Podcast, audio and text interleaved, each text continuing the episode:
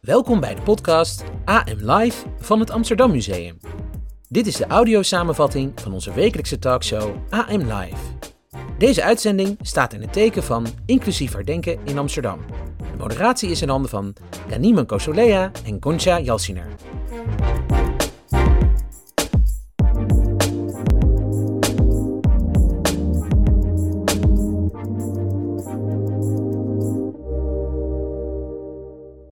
Welkom bij AM Live met als thema inclusief herdenken. Vandaag gaan we in gesprek met Minka Bos en Asfa Bijnaar over een gezamenlijke project Koloniale Sporen in mijn buurt. Marieke van den Doel vertelt ons over waarom het humanisme nou opkwam na de Tweede Wereldoorlog en geeft ons alvast een inkijkje in een nieuwe tentoonstelling Vrijdenkers. Met Tom Bakker bespreken we zijn nieuwe film Ajor. En ook Ger Beukenkamp schuift bij ons aan om het te hebben over een theaterstuk Vergeten Helden voor Theater na de Dam. Nou, ik heb er zin in. En naast mij zit vandaag een nieuwe presentatrice, Gontja. Je werkt al een tijd bij het museum. Ehm, wat doe je eigenlijk? Nou, ik werk als eh, manager educatie en, uh, en participatie. En uh, vandaag dus als jouw co-host bij deze aflevering over inclusief herdenken.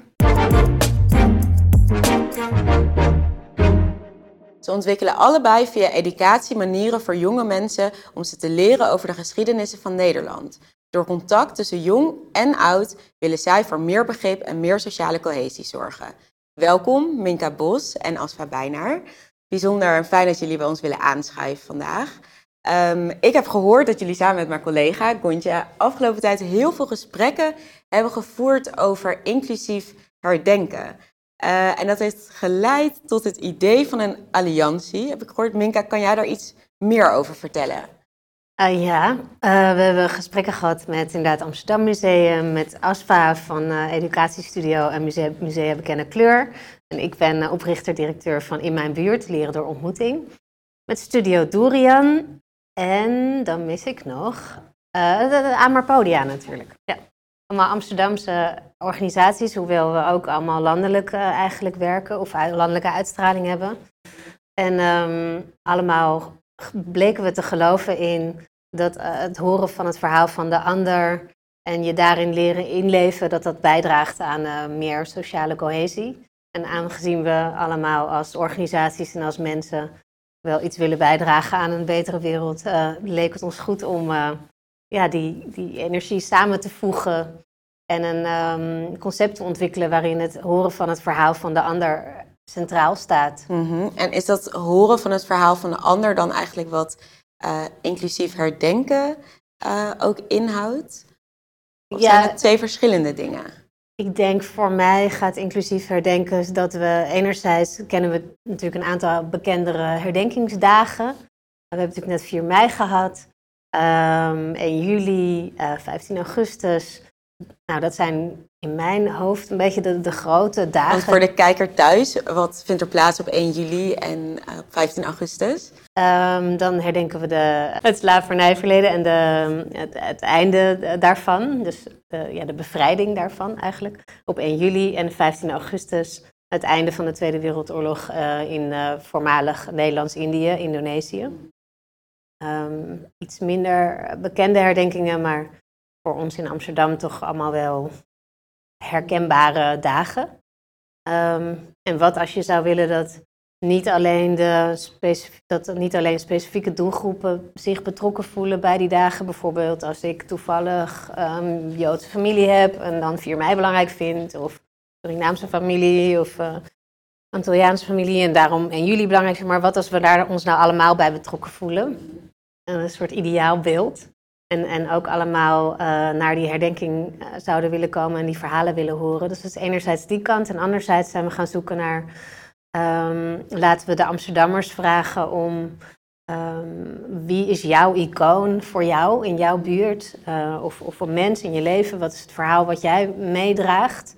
En, en alle verhalen belangrijk maken. Dat is eigenlijk het grotere doel. In plaats van alleen één kanon. Maar elk verhaal is heeft dezelfde waarde. En is dat ook voor jou jouw definitie van inclusief herdenken? Als ja, dat is een heel mooi begrip, inclusief herdenken, want het klinkt alsof alles, alles, alles erbij hoort. Maar net als wat Minka zei, willen wij eigenlijk dat de grote herinneringen, maar ook de kleinere herinneringen, met name de nieuwkomers die uit uh, andere landen komen en daar ook weer een eigen verhaal kunnen toevoegen aan de grote kanon die wij hier herdenken. Ook daarvoor willen wij dat er respect uh, voor is, dat het gehoord wordt en dat het betekenisvol wordt om daarover ook te herdenken. Als ik het dan goed begrijp, um, betekent dat dan dat we dus eigenlijk gewoon veel meer nationale herdenkingen moeten hebben. Dus meerdere nationale herdenkingsmomenten die allemaal gelijkwaardige aandacht verdienen. In plaats van het blijven toevoegen uh, van nieuwe verhalen aan 4 mei? Of begrijp ik het dan verkeerd? Uh, nou, waar wij, als ik uh, voor zijn, is ook naast inderdaad de, de, de dagen, die, ook meerdere, meerdere dagen hebben we het inderdaad ook over gehad, maar ook over een vorm van alledaags herdenken. In die zin dat we de stad steeds meer als afzender maken van al die verschillende verhalen. Denk aan monumenten die uh, over, niet alleen over oorlog en strijd en um, de, de mannelijke witte helden gaan, uh, maar dat we alle verhalen kunnen weerspiegeld zien in, in, in, in, in de stad. Dus als ik met mijn dochtertje of zoontje loop, dat ik dan bij een, een monument zie en daar een, een verhaal kan vertellen wat ook echt bijdraagt aan, aan die cohesie of aan het horen van het verhaal van de ander. En um, dus door monumenten, maar ook door de verhalen te leren kennen, bijvoorbeeld inderdaad uit je buurt, waardoor je je heel erg kan betrokken voelen. En dat als, uh, weet ik veel, jij en ik in de supermarkt achter elkaar eh, in, in de rij staan, we maken een babbeltje, dat je dan zou kunnen zeggen, weet je wat hier gebeurd is? Uh, in die, wat, je, wat die persoon hier heeft meegemaakt. En dat soort, in de alledaagsheid, dat we die verhalen weer met elkaar gaan delen en daarin elkaar vinden, inderdaad op die locatie, uh, ja. zoals jij dat mooi omschrijft. Want je hebt natuurlijk in Amsterdam heb je heel veel plekken die herinneren aan een bepaald verleden. Dus je hoeft het niet per se te gooien op een monument en op een geëikte datum. Maar je kunt, uh, ik herinner mij dat uh, jij fietste door, uh, ergens door de pijp en er staat een gebouw waarop staat koloniale waren te koop. Nou, dat kan op zich ook al een gesprek oproepen en delen met elkaar, waardoor je ook zegt van, oh ja, ik loop hier op de hoek rond, maar eigenlijk is dit gebouw, heeft iets te maken met onze vaderlandse geschiedenis van kolonialisme en slavernij. En uh, we hebben het vaker gehad nu, uh, dat hoorde ik jullie alle twee ook zeggen, het belang van delen van verhalen, luisteren naar elkaars verhaal. Het klopt dat de Universiteit van Amsterdam er een onderzoek naar heeft, heeft gedaan. Kun je daar iets meer over vertellen, Minka? we hebben een onderzoek laten uitvoeren op onze methode. We hanteren een, een ontmoetingsonderwijsmethode, waarbij we verschillende projecten uitzetten. Oorlog in mijn buurt gaat over de Tweede Wereldoorlog. Koloniale sporen in mijn buurt, ook samen met Asfa Bijnaar en Arjuna Kandotti ontwikkeld gebruiken we dezelfde methode, maar gaat over het koloniaal verleden. En de basis van de methode is dat leerlingen voorbereid worden, dat ze een ontmoeting hebben met een oudere, dat ze speechcoaching krijgen en het verhaal leren doorvertellen als nieuwe erfgoeddrager. Um, en we hebben inderdaad uh, in samenwerking met de Universiteit van Amsterdam laten onderzoeken wat gebeurt er nou voor en na. En we zagen natuurlijk allang heel veel gebeuren. En we konden heel veel, ja, als heeft ook, we hebben heel veel mooie verhalen. Uh, zelfs ouders, een moeder die naar me toe kwam op een gegeven moment door dit project. Uh, wil mijn zoon weer naar school? Dat was het project dat wij samen deden. Het bijna, klinkt bijna onwaarachtig, maar dat was wel echt waar.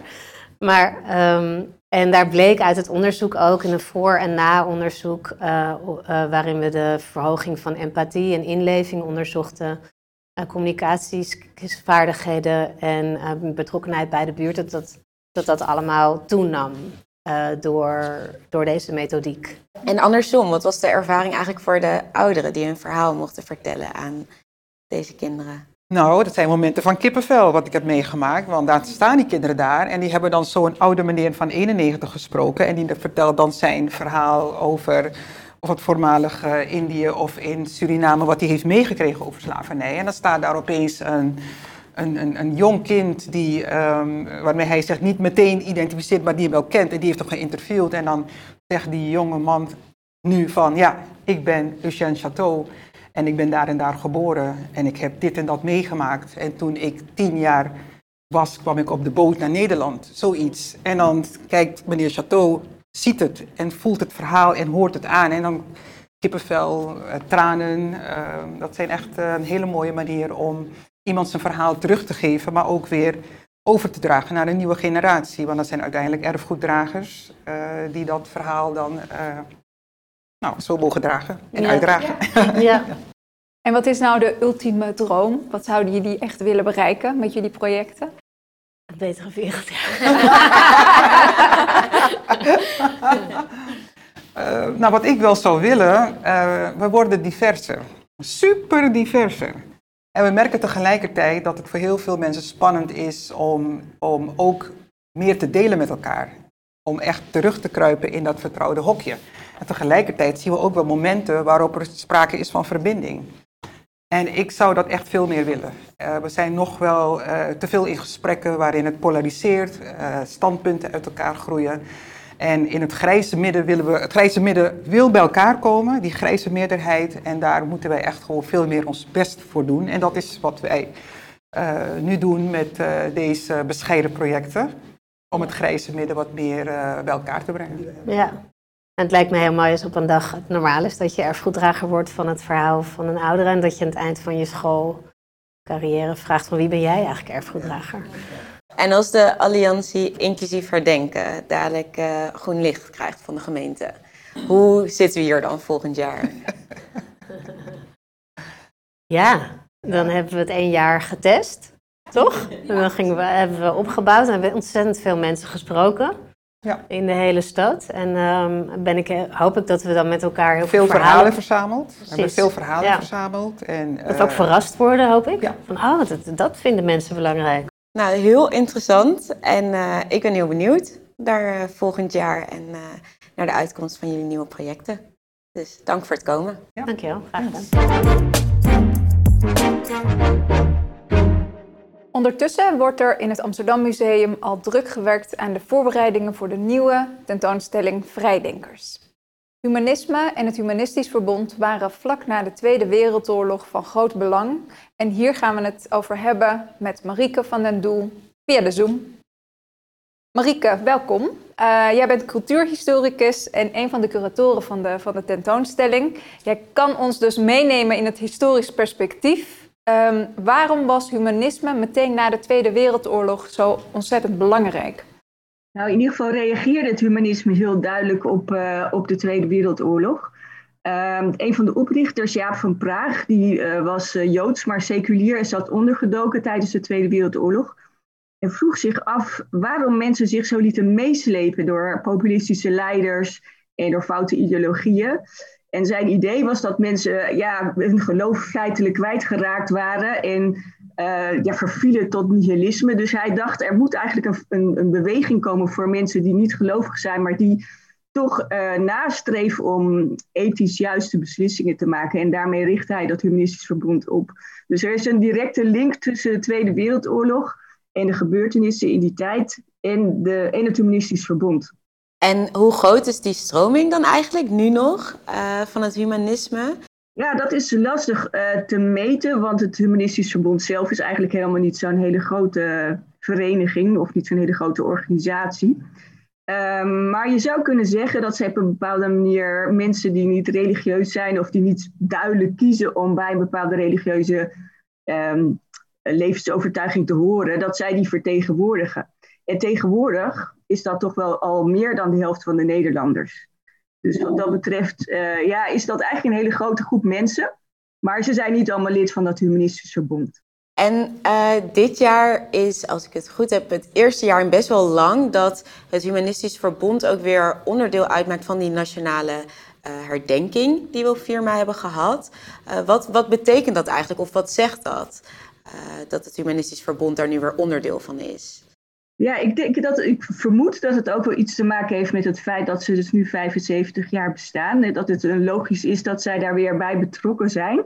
Ehm, er, worden, ja, er zijn natuurlijk allerlei religies en levensovertuigingen die bij de dode herdenking eh, betrokken worden. En nu al 20 jaar niet dat humanistisch verbond. Dus ehm, het is denk ik wel eh, ja, heel interessant dat dat nu wel weer gebeurt. En dat zou ook iets te maken kunnen hebben met het feit dat inderdaad zoveel mensen eigenlijk niet meer een bepaald geloof aanhangen. Oké, en ehm, nou binnenkort dus, zoals we het al eerder hebben gezegd, opent eh, in september de tentoonstelling Vrijdenkers. En ehm, ja, eigenlijk alleen al die naam, Vrijdenkers. Wat, wat, is een, wat is een vrijdenker en hoe is een vrijdenker dan gelinkt aan dat humanisme wat je net aan ons hebt uitgelegd? Ja. ja, wij hebben als tentoonstellingsmakers daar ook enorm hard over na zitten denken. Want we moesten natuurlijk ook bedenken wie dan vrijdenkers waren.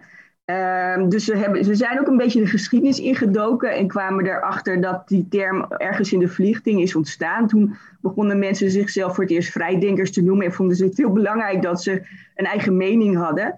Uh, dus, maar voor die tijd had je natuurlijk ook al mensen die tegendraadse meningen hadden, want daar, daar kwamen we op een gegeven moment wel op uit. Mensen die durven, iets anders durven te denken dan wat de grote massa denkt en die uh, een mening durven te verkondigen die op dat moment nog niet populair is. En soms is het zelfs wel zo dat zij meningen verkondigen die later heel mainstream worden, maar eerst enorm baandoorbrekend zijn. Uh, en ja, dat wordt, die humanisten, die zijn er eigenlijk op een bepaalde manier mee verbonden. Dat, zij, ja, dat je in de renaissance ook al humanisten had. En dat ja, sommige van hen, bijvoorbeeld Erasmus, uh, ja, was een humanist, die werkte als humanist. En die, uh, ja, dat is een, een hele belangrijke figuur in dat vrijdenken geweest, omdat hij voor vrijheid voor, van geloof en voor tolerantie opkwam. En zitten er eigenlijk ook kaders of, of grenzen aan dat, aan dat vrijdenken? Uh, dat is waarschijnlijk ook een, een belangrijk punt in jullie tentoonstelling, kan ik me voorstellen. Ja, nou, het viel ons in ieder geval wel op dat er verschillende thema's zijn waar dat vrijdenken zich uh, ja, rondom welke dat, uh, dat vrijdenken zich altijd afspeelt. Het gaat heel vaak over allerlei vrijheden, vrijheid van geloof of vrijheid van meningsuiting, uh, maar ook uh, vrijheid voor gelijke rechten, voor wat voor groepering dan ook. dus dat, dat zijn wel een beetje de kaders waarbinnen wij ja, ons hebben bewogen. En Marieke, komt het herdenken van de Tweede Wereldoorlog ook terug in de, in de tentoonstelling?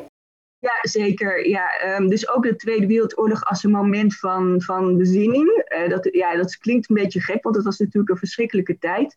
Maar juist doordat er zulke verschrikkelijke dingen gebeurden, dachten heel veel mensen ook, ja, zo kunnen we niet verder, we moeten anders. Dus dat proberen we naar voren te laten komen, ook door middel van een aantal verzetsfiguren. Maar uh, Jaap van Praag, de oprichter van dat Humanistisch Verbond, is ook, heeft ook een plaats in de tentoonstelling. Oké, okay, dankjewel. En uh, we willen je heel veel succes wensen met, uh, met de voorbereidingen van de tentoonstelling. Ja, ja. heel erg bedankt. Bij ons aan tafel is aangeschoven Ger Beukenkamp. Heel erg fijn dat je er kan zijn vandaag. Uh, op 4 mei hebben jullie een stuk opgevoerd voor Theater na de Dam. Kun je ons iets korts vertellen over dat collectief Theater na de Dam en over jullie voorstelling? Nou, Theater naar de Dam, na de Dam, heb ik verder niet zoveel mee te maken. Maar het is een geweldig initiatief. Het is twaalf jaar geleden begonnen uh, om na de dodenherdenking, acht uur, om negen uur in heel veel theaters, eerst in Amsterdam, nu het hele land, uh, voorstellingen, kleine voorstellingen, grote voorstellingen te maken, concerten die allemaal iets te maken hebben met de Tweede Wereldoorlog. Het is begonnen als een aardig idee, maar het is ontzettend uitgegroeid. En ik vind het persoonlijk een geweldig, uh, geweldig iets. Ja. En het zijn dus ook allemaal voorstellingen die echt een nieuw licht... Nou, nieuw licht, whatever. Alle, alles is vrij, het mag ook heel muzikaal zijn. Uh, nou, en onze voorstelling die uh, heet dan Vergeten Helden, dus die heeft wel heel duidelijk met de Tweede Wereldoorlog te maken. We kennen heel veel uh, bekende helden, verzetshelden uit de Tweede Wereldoorlog. Hannie Schaft is natuurlijk een hele belangrijke. Maar er zijn een aantal die, om wat voor reden dan ook, nou ja, letterlijk vergeten zijn. En voor die mensen maar hebben we dus een, een voorstelling gemaakt met monologen en muziek. En uh, jullie stuk heet dus Vergeten Helden. En er staan vijf vergeten helden in centraal. We, ja. Kan je kort iets vertellen over welke helden ja. Uh, Kijk, ze zijn natuurlijk, voor sommige mensen zijn ze helemaal niet vergeten, maar het is natuurlijk altijd een betrekkelijk begrip. We hebben uh, Frida Belinfante, een, een, hele beroemde celliste, orkestleidster geworden in Amerika. Uh, die heeft, zat hier in het verzet, samen met Willem Arondeus, dus ook een personage. Ehm, dat was een homoseksuele man, kunstenaar, um, en die voelde zich ja, zeer aangesproken zo, hè, toen, toen de oorlog begon. En is ook in het verzet gegaan. Heeft samen met Friede Melefante en Gerrit van der Veen, is een bekende naam natuurlijk, het bevolkingsregister, waar alle Joodse namen lagen, uh, opgeblazen. Nou, en dan hebben we nog uh, Boy Ecurie, een jongen van Aruba, die 22-jarige leeftijd al gefusilleerd is, ook in Nederland is gaan studeren, in het verzet heeft gezeten. Buitengewoon dappere man. En dan hebben we nog um, George Maduro, naar het dorp uh, Madurodam is genoemd, weet niemand. Uh, die was, was, was, was een uh, officier, een beroepsofficier het Nederlandse leger. Heeft zich zeer heldhaftig gedragen. En dan hebben we nog Koosje Ayal, die ik persoonlijk helemaal ook niet kende. Dat is een vrouw die op hele jonge leeftijd uh, in het oerwoud is gevlucht. samen met een guerrillagroep in Nieuw-Guinea. En die dus niet tegen Duitsers heeft gevochten, maar tegen de Jappen. En uh, buitengewoon interessant verhaal. Dat zijn de vijf mensen waar de voorstelling over gaat. Heel bijzondere verhalen. Ja, leuk. Zeker. Ger, um, ontzettend leuk om je hier aan tafel te hebben, want ik ken je natuurlijk nog van de opleiding uh, theaterdocent. Dus voor mij een, uh, een eer. Oh ja, um, je bent ook goed terechtgekomen, toch? ja, dank je, dank je wel. Ik ben heel erg benieuwd hoe dan dat onderzoek eigenlijk uh, is gestart, hoe dat in zijn werk gaat en ook hoe je het perspectief actueel kan, uh, kan houden? Want dit zijn best oude verhalen Zeker, zeker. Ja, nou dat is een hele goede vraag. Kijk, research, dus onderzoek doen, dat is nou niet het uh, moeilijkste. Hè. Er zijn boetjegrafieën. Dat is, het, je laatste onderdeel van de vraag is interessant. Hoe hou je het een beetje, ja, toegankelijk, actueel? En ik heb een voorbeeld bij Willem Arondeus, heb ik neergezet op de executieplaats in, in Overveen. Dus de, de, de monoloog spreekt hij uit een paar seconden voordat hij wordt doodgeschoten. Volgens mij ga je ons ook iets voordragen. Ja, dat is goed. Mogen wij daar naar luisteren? Goed. Nou ja, hij staat dus op zijn executieplaats. Hè. Ik, Ja. ik- het zijn uiteraard maar fragmentjes. Die, ik, ik kan niet te, veel, eh, niet te veel tijd in beslag nemen. Het kan mij ook niks meer schelen, dit vuurpeloton voor mijn neus. Dat ze maar goed mogen mikken. Het is over. Een beetje vroeg. Maar ik heb mooie dingen gemaakt. Ik heb de liefde gekend, smeerlapperij bedreven. En ik heb uit het leven gehaald wat er eigenlijk voor mij niet in zat. Ik was een bleekneuzig zoontje van een kostumier, het kind van een kostuumverhuurder. Ik kon eruit zien als Napoleon of Jacobe van Beieren, of ik was Tutankhamon. Dan kon ik iedereen lekker naar hartelust vervloeken. Ze zeggen dat ik door al die vermommingen homoseksueel ben geworden. Maar ja, als een Eskimo geboren wordt in de negerhut van oom Tom, wordt hij toch ook niet zwart? Dat iedereen op je, je de rug toekeert als je oprecht van jongens houdt. Het zij zo. Daar kun je ook sterk van worden. En je moet sterk zijn, dat vind ik wel. Als je van jezelf denkt dat je maar een worm bent, dan moet je niet raar opkijken als ze je ook vertrappen. Heel veel homo's houden ervan om slachtoffer te zijn, om wurmen te zijn. Toch ben ik ook vertrapt. En over een minuut ben ik dood.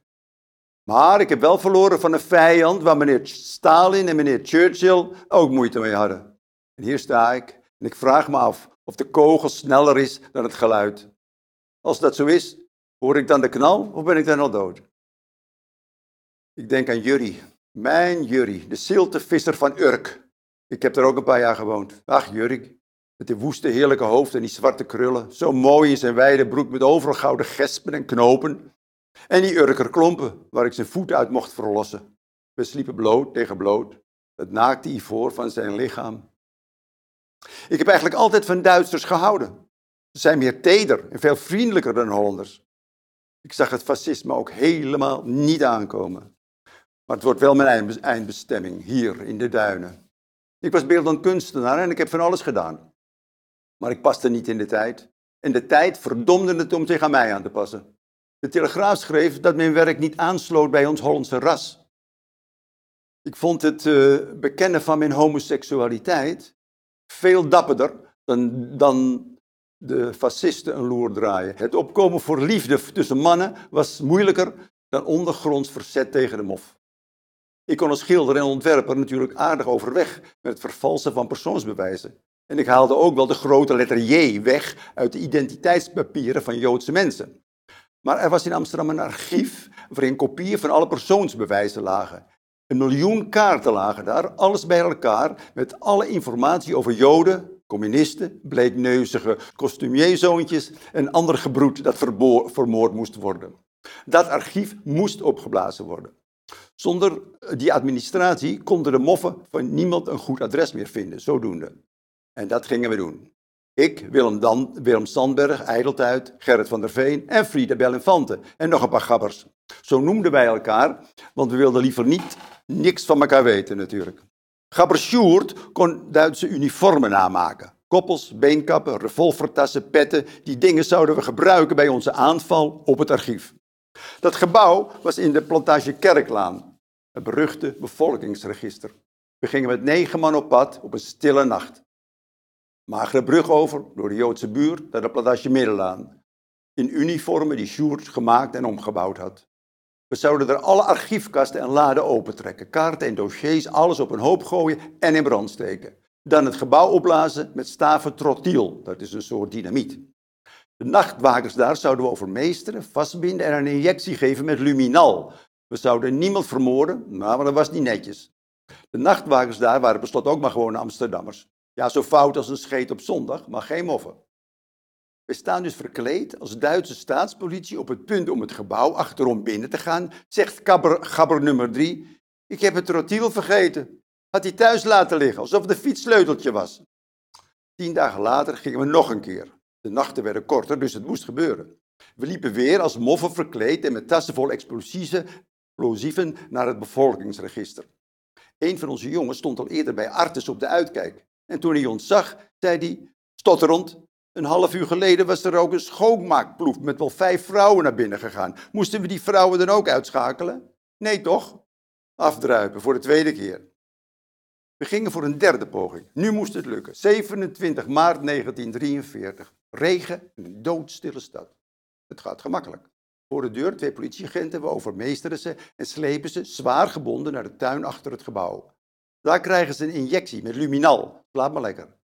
We liepen via de achterkant het gebouw in, de trappen op en begonnen alle kasten en laden open te trekken en alles onder aan een centrale trap op een berg te gooien. Iedereen begon te zweten. Eén keer viel er zo'n metalen kaartenbak kletterend op het marmer. Alle beesten van, Ar van Artes, voor zover ze nog niet opgegeten waren, werden wakker. We hadden geen tijd om bang te zijn. Een paar uur bezig, doorwerken, doorwerken. Toen ging er ineens een telefoon.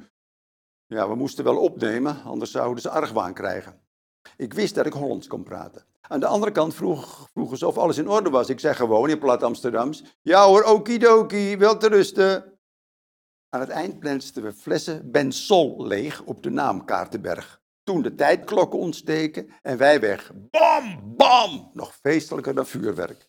We gingen, ieder voor zich, naar onze kamers terug. Twee weken later zat ik gevangen, hartje Amsterdam, op het kleine Gartmanplantsoen. Ik was een bleekneuzige kunstenaar zonder veel succes. Ik heb plaatjes gemaakt en wat boekjes. Ik wilde geen baas en ik wilde geen knecht zijn. Dat er hier in mijn bovenkamer nog één onafhankelijke hersencel overblijft, dat wil ik. Die ene cel kunnen jullie kapot schieten. Peloton, vuur! Oh God, daar gaan we. Eerst de kogel, dan het geluid. Ik dacht het wel. Jullie, luister. Mooie regels. Eens zal het weer regenen stil zoals toen aan zee. Kom mij dan tegen en neem mij mee. Het is maar een klein stukje uit uh, het geheel natuurlijk. Ja, dankjewel uh, Ger. Prachtig uh, voorgedragen. Ja, heel mooi. Dank voor het komen, Ger. Tot je dienst. En we gaan hem terugkijken. Tijdens de dodenherdenking van 1970 kwamen twee jongens van het Amsterdamse jongeren actiegroep Homoseksualiteit met een krans de dam opgerend om aandacht te vragen voor het feit dat homoseksuelen destijds niet herdacht werden. Tom Bakker maakt van dit bijzondere verhaal de korte film Ajor. Welkom Tom. Dankjewel. En een hele bijzondere film die je hebt gemaakt um, over een verhaal dat veel van ons misschien nog niet kennen. Hoe ben je bij dit verhaal terechtgekomen? Uh, ja, het klopt. Iedereen met wie ik de plan bespreek, die, die hebben hier nog nooit van gehoord. Ik zelf ook niet, maar ik was al een tijdje bezig om een, uh, een korte film te gaan maken. Ik wilde iets gaan regisseren. Ik zocht naar een onderwerp, ik kon het maar niet vinden. En toen op een gegeven moment bedacht ik me dat ik eigenlijk heel erg weinig wist over mijn eigen uh, homogeschiedenis. Dus ik ben daar research naar gaan doen. en op een gegeven moment kwam ik eigenlijk toen in één keer ehm, nou ja, dit verhaal tegen. En ik, ik, ik was ook verbaasd dat ik hier nog nooit van gehoord had nou ja, eigenlijk verdient het daarom wel om nog een keer verteld te worden. Want je hebt het gelezen in de krant, dacht ik. Uh, ja, er zijn verschillende opties. Een brief. Ja, um, een van de jongens die dit gedaan heeft in 1970, die is later met een vrouw getrouwd. En zijn weduwe, hij is ondertussen overleden, maar zijn weduwe die leeft nog. En die is ook bezig om dit verhaal weer onder de aandacht te brengen. Hij heeft volgens mij in 2011 uh, in het Parool een, uh, een, een column geschreven, of eigenlijk een ingezonden brief inderdaad. Uh, om dit verhaal te vertellen. En zij beschreef het ook zo mooi en gewoon ook heel persoonlijk en vol liefde natuurlijk. Dus ik vond dat al heel bijzonder. En toen kwam ik het eigenlijk nog um, nou ja, op verschillende andere uh, manieren ook weer tegen. Tom, je gaf net al aan hè, van dat je het op verschillende, via verschillende kanalen ook het verhaal dus uh, had gehoord, erover had gelezen. Waarom was het dan alsnog belangrijk om er een film over te maken? Nou, omdat het eigenlijk best wel um, onvindbaar was, zeg maar. Je moet er goed naar zoeken om dit verhaal te vinden. Um, en wat ik eigenlijk in het begin al zei, met iedereen over wie ik dit plan uh, vertelde, dat is geen zin, maar met iedereen uh, die ik sprak en over dit plan vertelde, die, die hadden er eigenlijk niet van gehoord. Dus ik, kwam er gewoon achter dat mijn hele generatie eigenlijk dit helemaal niet kende. En ik vond dat toch belangrijk om weer eens onder de aandacht te brengen. En onze aflevering, uitzending, uh, gaat over inclusief denken. Uh, waarom is dit verhaal relevant voor nu, voor vandaag? Nou ja, um, dat is eigenlijk de kern van, van deze film, is dat er tot 1970 niet speciale aandacht was voor homoseksuelen die in de Tweede Wereldoorlog waren omgekomen. Er was ook nog heel veel onduidelijkheid over hoeveel homoseksuelen er toen precies waren omgekomen. Het was eigenlijk net dat er toen wat uh, research naar gedaan uh, was en er wat nieuws over bekend werd. En ook bijvoorbeeld de Roma en de Sinti werden nog niet uh, speciaal herdacht. Dus het was eigenlijk um, nou ja, de, uh, inclusief herdenken gaat daar natuurlijk over. Van wie, wie herdenken we nou precies tijdens zo'n belangrijke herdenking en wie verdient het om, uh, om daar een plekje in te krijgen? En nou ja, ik ben heel blij dat, uh, dat ze dit gedaan hebben, zodat ook de homo's en de Roma en de Sinti uiteindelijk dat plekje hebben gekregen. En als we de film willen zien, waar, kunnen we, waar kunnen we het vinden? Waar kunnen we het zien? Hij uh, staat op dit moment um, tot en met 9 mei nog op Vitamine Cinefiel. Dat is het online platform van Cinefiel. Dus als je een Cinefiel abonnement hebt, dan, dan kan je kijken. Tot 9 mei. En daarna, uh, nou ja, we hopen natuurlijk dat straks weer uh, fysieke premières en fysieke vertoningen mogelijk zijn. Dus we hebben plannen om tijdens de Gay Pride dingen te doen. En straks in het najaar is natuurlijk een Nederlands Filmfestival waar die hopelijk gaat draaien. Maar dat moeten we allemaal nog zien. En heb je al wat eerste reacties gekregen op uh, mensen die uh, de film hebben gezien? Ja, hij staat nu volgens mij sinds vorig weekend online en de reacties zijn eigenlijk heel goed. Dus het is, iedereen heeft zoiets van, maar waarom kennen wij dit verhaal niet? En wat is het belangrijk dat we dit toch weer eens een keer uh, nou ja, verteld krijgen? Dat is heel fijn. Um, en wat ik er persoonlijk ook erg fijn aan vind en wat ik ook terughoor, is dat het um, nou, het mooie is dat het een verhaal is dat gaat over homoseksualiteit zonder dat de identiteit zelf de worsteling is. Maar dat het gaat om juist vechten voor het laten zien van die identiteit en daar heel erg trots op zijn. Uh, dat vind ik gewoon heel belangrijk, omdat heel veel homo-verhalen uh, uh, nou ja, toch ook gaan over een soort echte moeilijke worsteling met zelfacceptatie. Het is goed dat die de verhalen er zijn, maar het is ook goed dat je soms echt mag horen dat het echt waard is om trots op te zijn, vind ik. Nou, heel mooi. Ik ben heel benieuwd uh, en we gaan hem zeker kijken. Leuk. Dankjewel voor je komst. Graag gedaan.